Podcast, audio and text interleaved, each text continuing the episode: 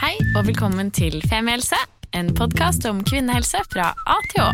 Og jeg heter Helene, Og jeg heter Sigrun. og vi har startet denne podkasten fordi vi mener at det bør snakkes mye mer om kvinnehelse. Så la oss snakke. Hei, og velkommen til studio, Sigrun. God morgen. God morgen. Altså, Vi er i nytt studio i dag. Det er så deilig fordi det er to sofaer her. Og jeg Ja. tenker at det er optimalt når man skal spille inn en Femihelse-podkast, for da kan man kanskje legge seg litt ned, Mm. Ta en liten lur både før og etter. Drikk en kopp med koffeinfri te. Ja. For de som vil det, eller en kopp med svart kaffe for de som vil det. Mm. Mm. Nei, hvis man ligger i sofaen, må alle drikke sånn te som jeg drikker. Okay. Det er ikke noe sånn herre Da må alle gjøre som jeg vil. Det er sånn regelen er. Ja. Mm. Um, du, i forrige episode så slapp vi jo The Big Freelancer News. Ja. Dere som hørte på, hadde dere gjettet det? Jeg følte der, jeg hadde planlagt en veldig build-up, fordi vi spilte en personlig episode i starten av januar, hvor jeg var sånn Ikke si hva det er, vi skal liksom have a big reveal. Og så endte opp med til slutt bare sånn Ja, så ble det så bare blitt litt frilanser, det er fint, det. Ja, og det var sånn på den personlige episoden så hører du jeg sånn Ja, forresten, jeg må fortelle noe. Og så sier hun bare nei, ikke si det. Dette er et kjempepoeng. Jeg bare, ok, da venter jeg litt rolig med det. Um, ja, nei, men nå er jeg frilanser. Startet uh, frilanserkarrieren min med å ha korona, og være syk en uke. Så nå, da fikk jeg jo kjenne på Men nå det skal du være frilanser. Ja, men da fikk jeg jo kjenne på hvordan det er å ikke få sykepenger. Ja. Det var jo deilig. Ikke ha noe sånn, ikke egentlig noe sikkerhetsnettverk. Nei, Mm, men, frilansere trenger ikke det. Men på den annen side så er det jo noe som er veldig deilig med å være syk og ha null dårlig samvittighet.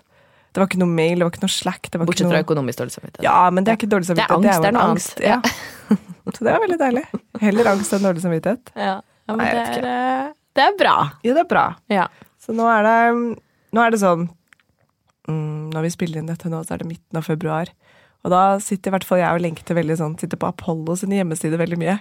Og ser på sånn Mauritius og Spania og Hellas og sånne turer. Kan du jobbe derfra, du? Jeg kan det. Mauritius visste jo bare tre timers tidsforskjell. Hæ? Ja. Ja, det er jo helt optimalt. Ja. Enten det eller Sør-Afrika. Ja. Jeg tenker når liksom, Det har begynt en ny koronavariant i Sør-Afrika en gang, så skal det veldig mye til for at det skjer en gang Ja, til. De får ikke den igjen. Nei, det er karma. Så slem er ikke karma. Nei. Nei, så um, Hvis noen har noen turdestinasjonstips til Irene, Nei, ikke send det. Ikke send. Nei, send det til meg. Send det til Sigrid, så så kan jeg det filtrere det videre. Jo da, selvfølgelig. Hvis noen har noen veldig sånn Du må dra hit, fordi her er det en fantastisk yogacamp, og her drikker de bare koffeinfri te. Ja. Da vil jeg veldig gjerne vite om det. Boom. Boom. Ja. Mm. Um, Men- og så kan vi jo kanskje si at vi prøver å planlegge noe gøy opp eh, rundt 8. mars. Ja. Eller er det dumt å si det? Det er ikke helt spikket i sten, men nesten spikket i sten. ja. så det heter. Nesten spikket i sten, ja. Eh, 8. mars er jo en stor dag for oss. Det er på mange måter vår nasjonaldag. Ja. Um, Så vi tenkte jo å prøve å gjøre noe gøy i forkant av 8. mars, hvor dere er invitert. ja. Ja, og more info to come. Altså, jeg er the queen of teasing, eller hva? Ja, ja, veldig. Ja. Og så blir det ikke dette nå, og så glemmer vi det. Fordi det, dette her Nei, men da vi. Det er en ting vi må da har vi en beklage. og så kan dere komme hjem til meg, de som vil, så skal jeg bake boller. Ja.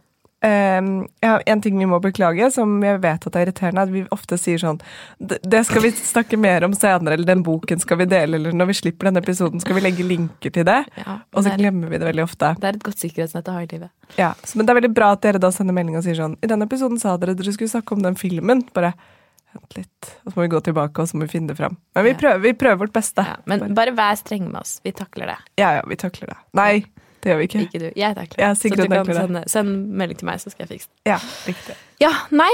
eh, For i dag skal vi jo da snakke om bunadsgeriljaen, som er en del av denne fødsels-, barsels-, svangerskaps...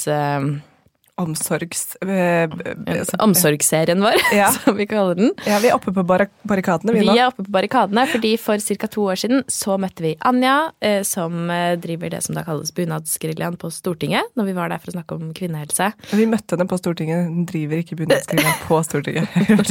Jo, tidvis gjør hun det. Jo, tidligvis gjør hun det. Hun har i hvert fall Er stått mye på mye Stortinget. foran, foran Stortinget. Det er akkurat det, og på. Eh, og så sa vi å, vi må jo eh, gjøre noe sammen, fordi det du gjør er helt strålende. Em, og så kom korona, og så ble ikke det noe av. Men nå er du her, Anja. Velkommen i studio. Tusen takk. Veldig hyggelig å ha deg her. Det er veldig hyggelig å være her. Og om jeg er frilanser, så var jeg var frilanser Ja. før jeg nå ble eh, hva skal jeg si, en fri sjel en, som jobber frivillig Ja. eh, med bunadsgeriljaen. Har gjort det i tre år. Ok, Fortell. Eh, først litt om deg selv. Hvem er du? Hva er bakgrunnen din? Og så kan vi gå over på hva bunadsgeriljaen er. Jeg mm, var opprinnelig bild, altså jeg er billedkunstner i bånn, skulle jeg si. Det er alltid sånn kjipt å si hva man er i bånn, men Nei, Det er litt spennende å bli litt kjent, syns jeg. Ja, jeg er utgangspunktet billedkunstner, og starta det Bunadsgeriljaen for tre år siden. Jeg er 47 år, og så bor jeg i Asker. Kommer opprinnelig fra Kristiansund. Gift, har to barn. Yngstemann har eh, nettopp flytta hjemmefra. Han har sjekka inn i militæret, så er jeg litt sår og trist. Ja. Midt i uh, Kommer kanskje tilbake når det året er over. empty nest syndrome. Ja, det, gjør- det gjør han, vet du. Han er også hjemme på perm i ny og ne i og med at han har kjæreste, så det er jo en Ja. stor fordel, da. Uh, ja, og um, gift med en mann som heter Jan Helge. Han eh, jobber jo for øvrig eh, som økonom i Multiconsult, eh, et firma som er godt etablert, og som jobber med å bygge sykehusene som jeg kjemper for å, for å legge ned, eller for å hindre bli, bli bygd. Så dere snakker ikke om jobb hjemme? Jo, masse. Det er veldig lidenskapelig. Han har mye artig å komme med, han altså. Og for tre år siden, da, så det er du som startet bunadsgeriljaen? Ja. Alene, eller? Ja, Hva, hvordan begynte det? det er jo litt spesielt, egentlig. Det var jo nesten sånn tilfeldig. Vet du, jeg var Altså, jeg bor i Asker da, og så var jeg i Kristiansund i forbindelse med en barnedåp. Og da hadde jeg jo på meg den ganske, den relativt nye bunaden min, som jeg da hadde fått i 40-årsdagsgave. Den gangen var den ganske frisk og fresh og, og ny. Eh, Det er den ikke lenger nå. Eh, og så visste jeg jo at eh, fødeavdelinga i Kristiansund skulle legges ned. Eh, det var det blitt bestemt bare noen dager før. Eh, og en venninne av meg da som hadde overraska alle med å bli mamma i en alder av 45, skulle da døpe barnet sitt. Så jeg var da gjest i barnedåpen, og så stakk jeg innom fødeavdelinga før kirka for å eh, ja, snakke med dem, si hei. Eh, Og så hadde jeg også noen år før levert et kunstverk til eh, fødeavdelinga, eh, som skulle være et symbol på at de ikke skulle gi opp, da. Så det var jo egentlig et, et forsøk på å finne ut hva vi skulle gjøre med det bildet. Ja. Og mens jeg var der, så ble det tatt eh, et bilde av meg eh, utafor fødeavdelinga, den døra, på en måte, med ar- muskelarmen heva, iført bunad, av hun jordmora da som tok imot meg der. Og så fikk jeg også samtidig se i protokollen fra 1974, eh, for jeg ble født der 9. oktober 1974 klokka kvart over fem. Og det gjorde så veldig inntrykk på meg. Både å se navnet til mor mi skrevet med sånn sirlig håndskrift av den gang Peggy Daleng, jordmora. Eh, Sånn at jeg kjente veldig sånn sterkt inni meg at det her eh, kan bare ikke skje. Vi kan ikke legge ned den fødeavdelinga her. Hele Nordmøre, eh, det er 55 000 mennesker blir uten ei fødeavdeling. Da blir de også uten eh, akuttavdeling. Da blir de på en måte uten et sykehus, da. Eh, Så det var egentlig sånn at den tanken modnes litt, og så dagen etterpå så um, hadde jeg tenkt ut eh, begrepet bunadsgerilja eller bunadsmafiaen, jeg var litt usikker. Landa på geriljaen, og så la det ut på Facebook og sa at nå må vi kvinnfolk ta på oss bunaden og kjempe for føden. Eh, Og i utgangspunktet var det tenkt som et slags sånt ja, nærmest som et sånt kjedebrev, eller altså ta på bunaden, legge ut et bilde på sosiale medier, la bare kampen gå. Eh, Så tok det jo veldig raskt, veldig fort av, og det spredte seg jo til hele landet. Det viser seg jo at det er jo mange som kjemper for fødeavdelingene sine i landet vårt. Innlandet gjør det, med at Gjøvik og Elverum er nedleggingstrua. Helgeland, som da ble vår største gruppe utenom Nordmøre, da, gjør jo det. Og kjempa for Sandnessjøen. Eh, og eh, etter hvert så dukka det opp eh, veldig mange fantastiske bilder av kvinnfolk over hele landet vårt i all slags bunader, ikke bare nordmørsbunaden. Og det var, ja, det var jo bare helt fantastisk. Og i dag har vi, jeg tror vi, hvis du googler så har vi 50 000 treff på Google og 2000 eh, oppslag i eh, media i, over hele landet, og også i utlandet. Og 90 000 følgere på Facebook-gruppen. 90 000 følgere på Facebook-gruppa, ja. Som er jo helt sprøtt. ja. ja da, det er en veldig fin kanal å ha da, når man trenger å nå ut med informasjon, f.eks. hvis ikke media har tid eller anledning til å skrive om oss. da. Jeg får skikkelig frysninger av denne Mm. historien. Det er eh, rett og slett eh, veldig rørende. Ja, jeg syns det som har rørt meg aller, aller mest, det er møtet med veldig mange kvinner over hele landet. Jeg har, reist rundt og besøkt og hatt større og mindre markeringer rundt omkring, eller vi har reist som gruppe. Eh, og det å møte kvinner som kanskje Jeg husker spesielt ei veldig godt, etter sånn tredje gangen jeg traff henne, så, så sa jeg 'er du her igjen'? Ja, så sa jeg gjør det her for det barnet som jeg mista. Og da er det for 40 år siden så mista hun et barn i fødsel, og så Den gangen var det jo sånn at man ikke kunne snakke om det. Eller det var på en måte ikke vanlig å sørge på den måten, sånn som man har muligheten til å gjøre i dag. Eh, Og veldig mange andre historier også. Og det var så Selv om det etter hvert også har blitt veldig mye flotte bilder tatt av faktisk ganske profesjonelle fotografer og sånn, så det som kanskje berørte meg aller, aller mest, det var når helt vanlige kvinner Sant, gikk i skapet i april, strøyk bunadsskjorta, tok på seg bunaden, kanskje gikk opp en fjelltopp, vi har besteget Galdhøpiggen, vi har på en måte eh, stått i fjøset og jobba i bunad, vi har flydd eh, privatfly. Det eneste som jeg venter på nå, det er at noen skal hoppe i fallskjerm i bunad, ellers er det meste gjort i bunad. En oppfordring her nå til dere der ute.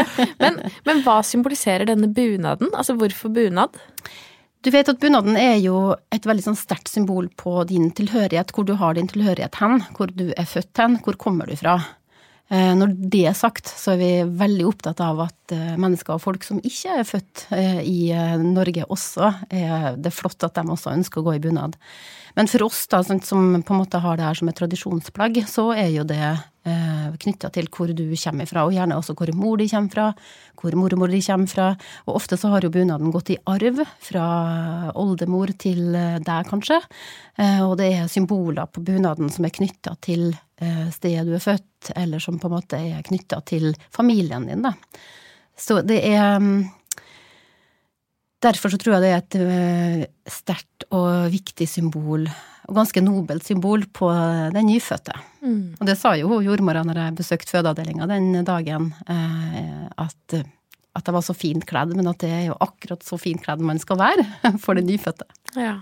Men, um, så jeg, og, og jeg er litt tilbake igjen til den starten av bunadsgeriljaen, fordi eh, nå har du holdt på med dette i tre år, og jeg synes den derre Noen ganger i livet så får man den følelsen av at her er det noe mer, her er det noe jeg må ta tak i. Um, men hva er det som har gjort at du har fortsatt? Hvordan har det på en måte utviklet seg nå de siste tre årene? Hva er det som har drevet meg? Det er det flere som har spurt om, og jeg har litt vanskeligheter nesten med å finne eh, svaret.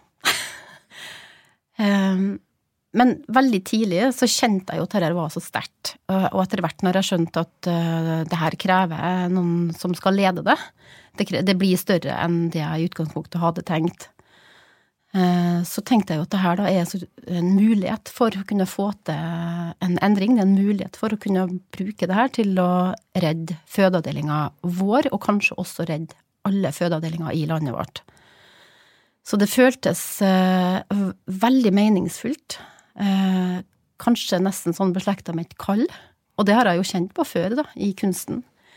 Eh, og jeg har jo jobba del med performance. Eh, og til å begynne med så var det kanskje litt beslekta.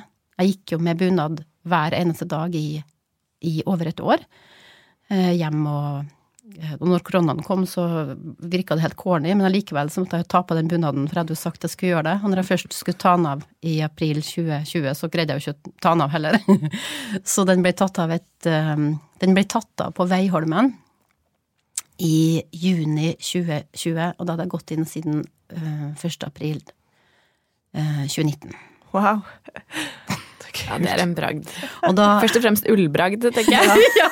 ja, den er jo kald om vinteren, vet du, og veldig varm om sommeren. Og da hadde jeg faktisk sånn utslett uh, under puppene, og det tror jeg var sånn loppebit. Nei!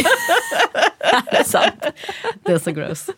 Men um En ting er at dette ble større, Anja, men jeg tenker, kan du kanskje fortelle litt om hva er argumentasjonen for å legge ned disse fødeavdelingene på alle disse sykehusene? Ja, de bruker jo litt forskjellig argumentasjon, da, men eh, per i dag nå så har vi 45 fødeinstitusjoner i landet vårt. Og da er det mm, 26 av dem som er fødeavdelinger, og så er det vel ca. 13 som er klinikker, altså som tar imot veldig mange barn og syke kvinner, og som kan forløse syke barn, som det betyr at de da har en nyfødtintensiv i nærheten, ikke sant. Eh, og så er det seks fødestuer per, akkurat mens vi sitter her nå, så er det veldig usikkert på om f.eks. Brønnøysund fødestue kommer til å bli åpna igjen. Og en fødestue er En fødestue er en jordmorstyrt enhet, Ja. altså uten gynekolog, uten mulighet til å foreta keisersnitt. da. Ja. Og av de 26 fødeavdelingene, så er det faktisk eh, 16 av dem som har et eh, estimert fødselstall på under 500 babyer i, i året. Så det betyr jo at de fleste fødeavdelingene er såkalt eh, be, eh, små fødeavdelinger. Eh, og så har man da hatt eh, i vi har hatt en plan gjennom veldig mange år om å eh, hva skal jeg si, sentralisere en del av helsetjenestene våre. Eh, og da var det jo Østfold som var først ut med Kalnes, som er det nye bygget der. Som eh, Det er jo ikke noe lenger et relativt Det er jo ikke noe så nytt lenger da, men da var jo Fredrikstad, Sarpsborg, Askim fødeavdeling og Moss eh, slått sammen til Kalnes. Eh, og da var jo for eksempel argumentet at eh, det kommer til å eh, forbedre rekrutteringen, og det kommer til å gi bedre kvalitet. Så det er stort sett de to argumentene de bruker når man skal sentralisere fødetilbudet, eller legge ned, da. Og hva er dumt med å legge ned disse fødeavdelingene, mener du? Ja, jeg tenker Vi kan jo også diskutere om det, om det, gir, om det stemmer. Ja. ja, nei, nå lurer jeg på hva du mener er, er dumt med det. Ja, nei, for det stemmer jo da ikke. Det blir jo eh, Det er jo ikke sånn at eh, Det er ikke tilgang på leger og utstyr som nødvendigvis sier noe om kvaliteten på omsorgen, ikke sant? Og det er jo også forskning av eh, et forskerteam på Haukeland universitetssykehus, med Hilde Engjom da i spissen, som har forska seg frem til eh, at eh, den gevinsten da du får ved å komme frem til et større tilbud, den kan ikke på en måte veies opp mot risikoen ved reiseveien. Ja. Sånn at når vi har blitt spurt er det reiseveien eller er det det å komme frem, så er det Reiseveien er forbundet med stor risiko. Og det er også forskjellen på å, sant, å føde i de store byene og å føde i distriktene. Det er at kvinner må reise lenger for å komme fram til et fødetilbud. Og Derfor så er det dumt at man legger ned fødeavdelinger i distriktene, fordi da må kvinner reise enda lenger, og risikoen blir enda større. Ja. Og ikke minst så ser vi jo at det er en stor sammenheng mellom når man legger ned de mindre fødeavdelingene, og så blir det et større press på de resterende fødeavdelingene som er åpne.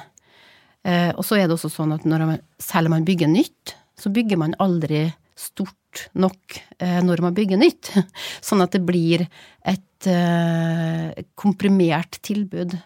Noe som for eksempel Ullevål fødeavdeling og ABC legges ned i forbindelse med at Ullevål da legges ned, så vil jo det nye tilbudet, som sikkert selges inn som et bra tilbud til folk, men det blir jo et dårligere tilbud, et mindre tilbud, og ABC for eksempel legges ned. Det er ikke videreført i de nye planene.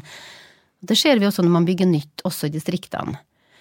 Eh, For eksempel eh, årsaken til at Kristiansund fødeavdeling skulle legges ned, det var fordi det skulle bygges, eller det er bestemt da, det skal bygges et nytt fellessykehus i Molde, som skal på en måte da eh, håndtere alle fødslene i eh, både hele Romsdalen og i, på Nordmøre. Det er til sammen ca. 120 000 mennesker.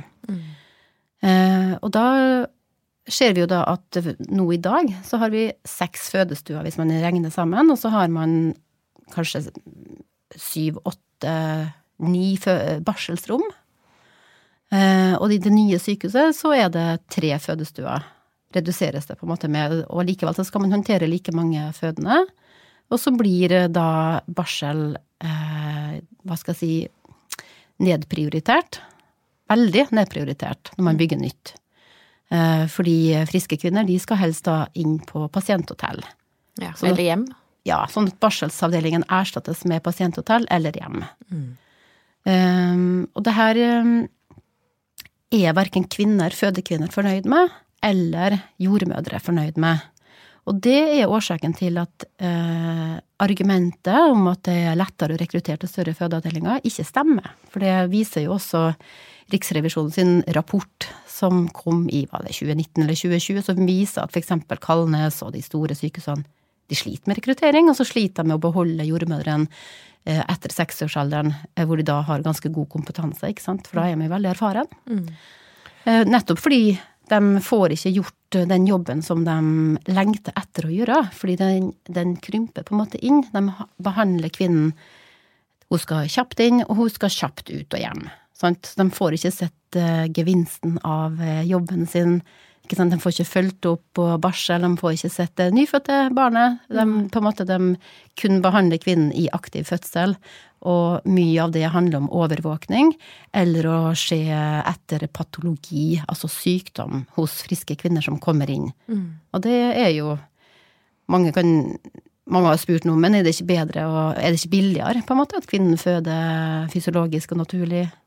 Men eh, sykehusene ønsker jo egentlig at kvinnen skal ha inngrep, fordi det er det som gir penger i kassa. Og det er jo finansieringsmodellen. Det er Så sprøtt. ja. Det er så sprøtt når man hører det sånn. Så er det sånn, det gir ingen mening. Og det er eh, ABC-enheten eh, som vi hadde besøk av, de sa jo akkurat det samme. Hos dem så slutter jo ingen. Og de har jo en sånn stab med så erfarne jordmødre.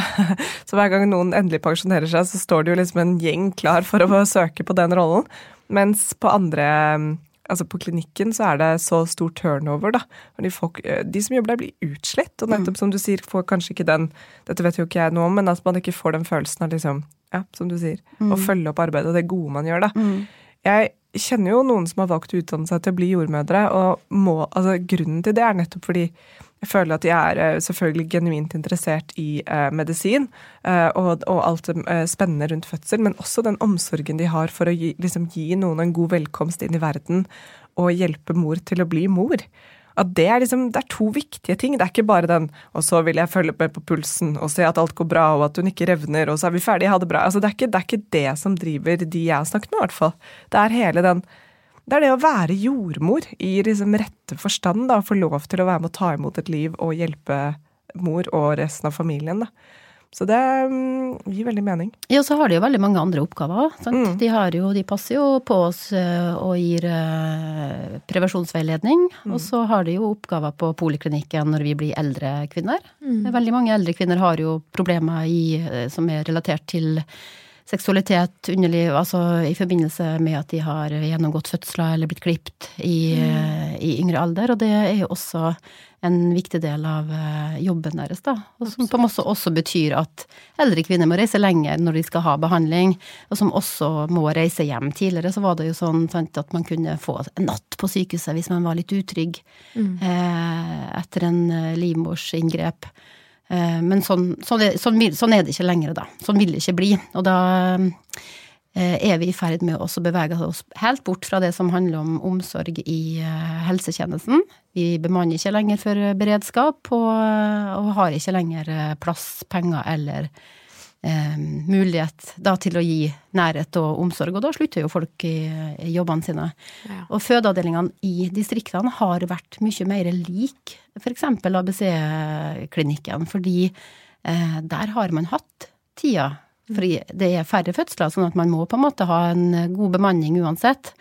Eh, frem til nå nylig, da, hvor også der man har kutta i bemanningen. Eh, men der har kvinner følt at man har kommet til et trygt sted, sant? for det er i nærheten, og det er kort vei, og man kan bare stikke oppom, ikke sant, og man får komme hvis man er usikker og utrygg. Eh, og, og sånn som når fødeavdelingen i Kristiansund da ble midlertidig stengt 8. februar i fjor, så kom det en mamma og så fortalte, og hadde med en liten gutt som heter Sverre på, eh, på fem år, og han, han eh, overlevde. Sam, samme ord, fordi hun bare hadde følt seg litt, u, litt sånn uvel den dagen. Og så vet du, jeg bare stikker opp om fødeavdelingen. Og så var det rett og slett eh, en akutt situasjon som gjorde at Ja. hun måtte ha akutt keisersnitt. Ja. Og det er jo det med at kvaliteten på de mindre fødeavdelingene er eh, god nok fordi man kan utføre et eh, keisersnitt der, og så har man jo gode selekteringskriterier på forhånd. Som gjør at man har på en måte sendt selektert de som trenger den ekstra kompetansen til større avdelinger, da. Men det er jo også eh, altså, dette med færre fødsler, så er det også mange som argumenterer med at kompetansen til de som jobber på de mindre fødeavdelingene, ikke blir god nok, nettopp fordi at de ikke er gjennom mange nok fødsler eh, til at de får den erfaringen som trengs, da. Eh, og at det er et argument. Hva tenker du om det? Jeg tenker at det, Det ikke blir en forsvarlig drift, rett og slett? Ja, jeg tenker at det er delvis basert på uvitenhet. da, fordi man må jo huske på at både gynekologer og jordmødre som eh, praktiserer på de mindre fødeavdelingene, har ofte praktisert på de større tidligere. Eh, og gynekologer må jo det. Eh, og det som jordmødre sier på de mindre avdelingene, det er jo at de får en veldig god kompetanse i kontinuitet. At de får fulgt den fødende eh, i hele for, forløpet. Sant? Altså De- omsorgsmodellen, rett og slett. Rett og slett. Sånn at de, eh, de eh, kjenner eh, kvinnen som kommer, og de følger henne helt til hun skal reise hjem. Ja.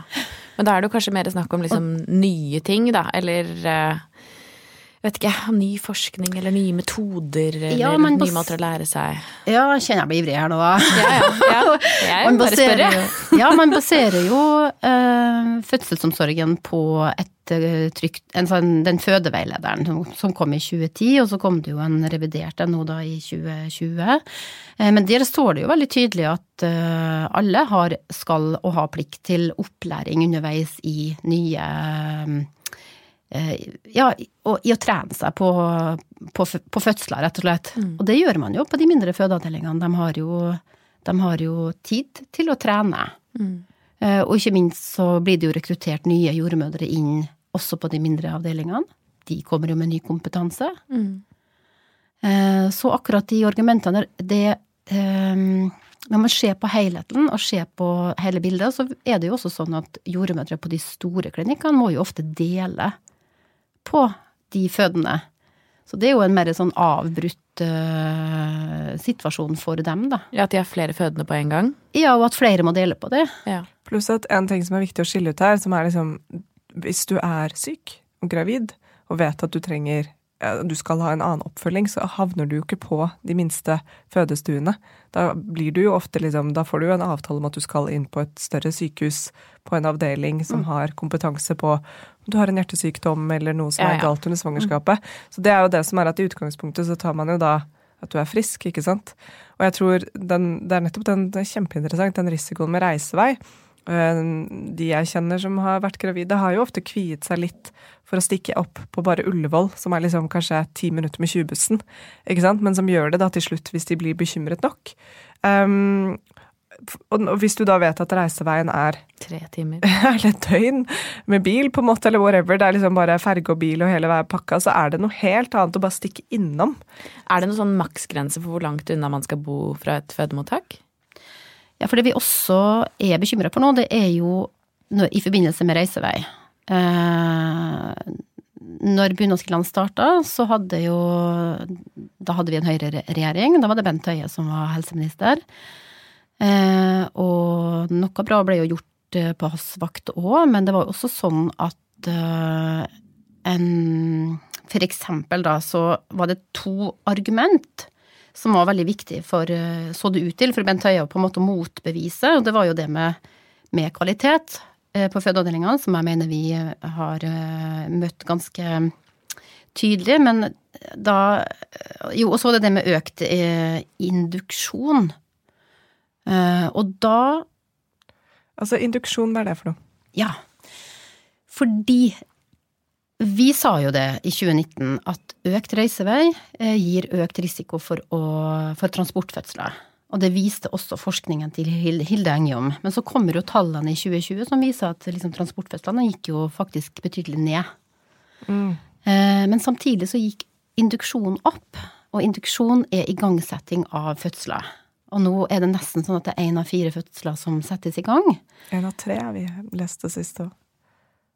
Ja, altså enda mer. Mm. Jeg er, ikke, jeg er ikke så god i sånn brøk. eh, Nei, nei, det er mange i hvert fall. Det er Ja. mer og mer. Ja, det. Det er helt vilt, ikke sant. Og vi venter også veldig spent nå på tallene for 2021, de kommer i april. Og vi ser sånn at i de områdene hvor f.eks. en fødeavdeling er lagt ned, hvis det der også da har eh, antall igangsatte fødsler øker, eh, så syns jeg jo det er veldig bekymringsfullt. For da betyr det jo at man kompensere for transportfødseltallet, da, uh, ved å uh, sette i gang kvinnen. Og det øker jo også risikoen for komplikasjoner og inngrep. Så man kontrollerer fødselen, rett og slett? Ja, og, og det betyr jo at I hermetegn, ja. Ja, så da betyr det jo også at færre Jo, det var det jeg tenkte i forhold til det med kvalitet også, fordi vi får jo da færre og færre jordmødre som blir riktig gode på å ta imot eh, barn på naturlig vis. Mm. At man blir eh, Den kompetansen som de har på fysiologisk fødsel, mm. som man gjerne har da, på de mindre fødeavdelingene, den vil da kanskje forsvinne.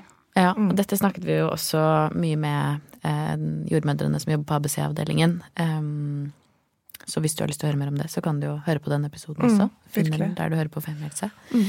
Um, nå har dere jo holdt på tre år, Anja. Blitt en organisasjon? Har ja, det? Ja, vi har endra litt nå. Vi har gått på en måte fra å være en frivillig forening til at vi ganske nylig har stifta en medlemsorganisasjon. Så nå kan man bli medlem av Bunadsgeriljaen og uh, bli med og støtte kampen på den måten. Som på en måte vil gjøre oss litt, ha litt mer sånn forutsigbar økonomi og uh, ja. ja. fordi det er litt det jeg lurte på. Hva er dine ø, mål og håp nå, nå fremover? Ser det lyst ut? Gi oss noen positive nyheter. Får vi til? Gi det til oss. Uh, ja, uh, hvordan, ja, hvordan endringer jeg forventer, eller hva jeg håper på. Ja. Nå er det jo sånn at vi har jo, uh, og det har jo kanskje bidratt til å holde bunadsgeriljaen i gang, og også at det er kommet andre organisasjoner på banen. Barselopprøret, Birthrights, 1001 dager, som var Sistnevnte var jo lenge før oss også. Mm, og de har også vært på besøk her. Ja, veldig bra. Mm. Eh, og det er klart at um, vi eh, har jo også fått det ganske mye, tenker jeg. Det er litt viktig å og, og, hva skal jeg si, det er en viktig motivasjon da, for å fortsette kampen videre, at det faktisk nytter. Eh, vi bidrar jo til at eh, sykehuset i Helgeland på Sandnessjøen vil bestå. altså Det vil være, være en fødeavdeling der. Så da vil det være to fødeavdelinger på Helgeland. Mm. Eh, og så bidro jo vi til at um, det kom i Hurdalserklæringen at uh, man skal utrede hvorvidt det skal fortsette som før på Innlandet. Og så fikk vi jo med i Hurdalserklæringen at det kan være muligheter for en fødeavdeling i Kristiansund, også etter et nytt fellessykehus er bygd. At man kan åpne for to fødeavdelinger der. Nå er det jo foreløpig bare ord, det gjenstår å se at vi får nok kraft, eh, og at politikerne faktisk omgjør ord til handling. Eh, men det er jo eh, Det håper vi på, da. Selvfølgelig. Og sånn generelt, så for å få til gode endringer, så må jo hele strukturen endres. For det er jo på en måte noe sånn at vi må, nå må vi liksom Nå må vi snu.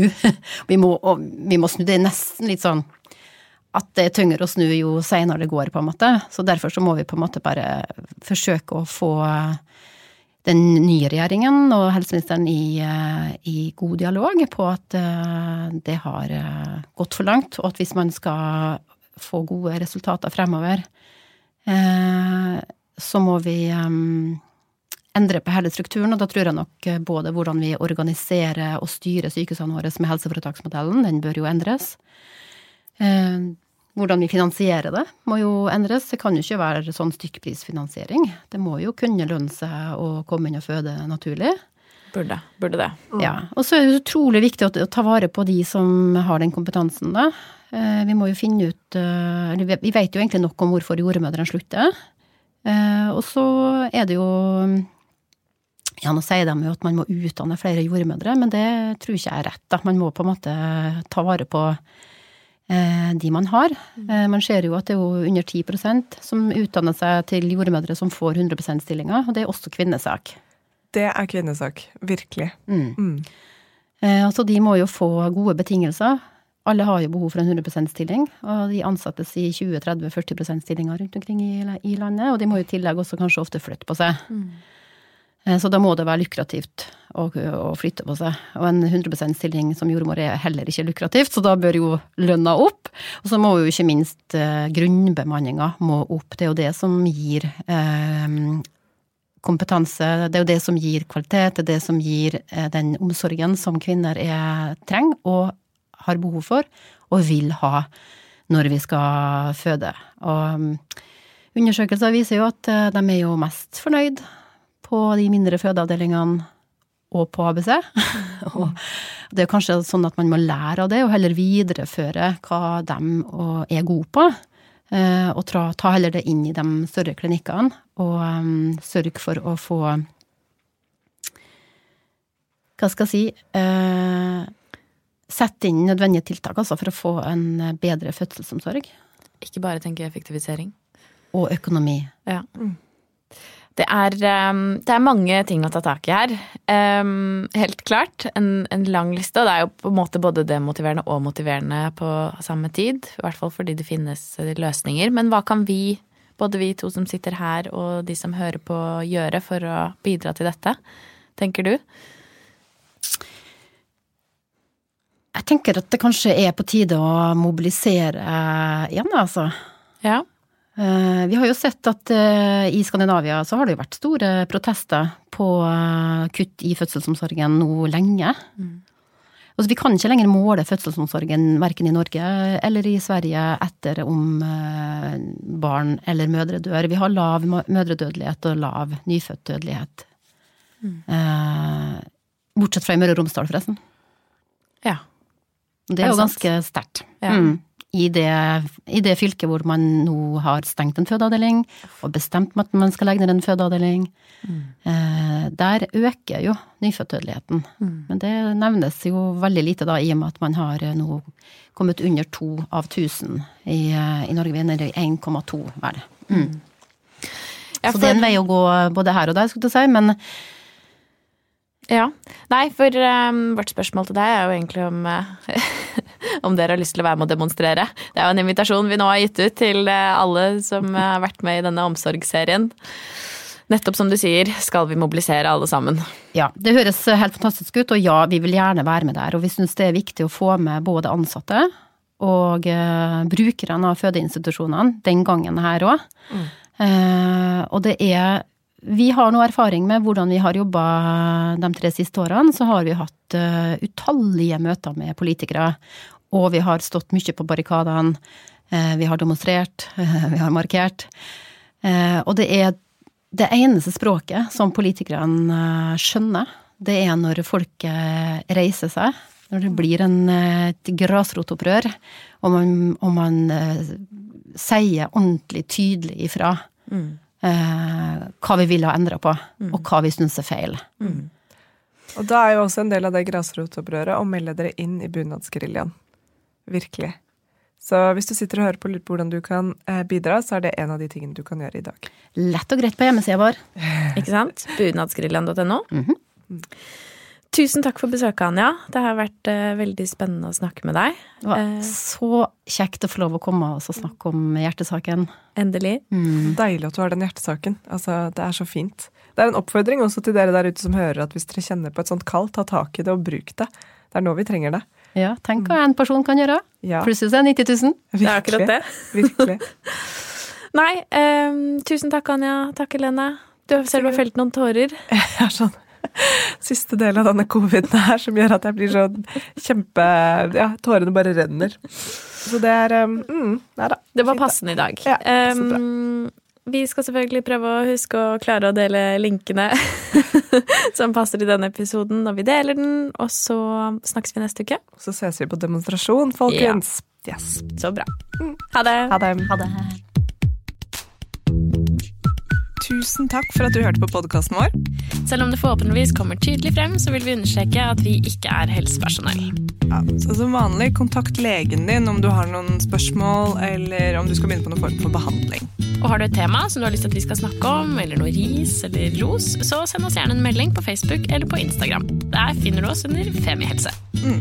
Og du kan gjerne rate oss på iTunes, det er skikkelig hyggelig for oss. Ha en fin dag. Ha en kjempefin dag.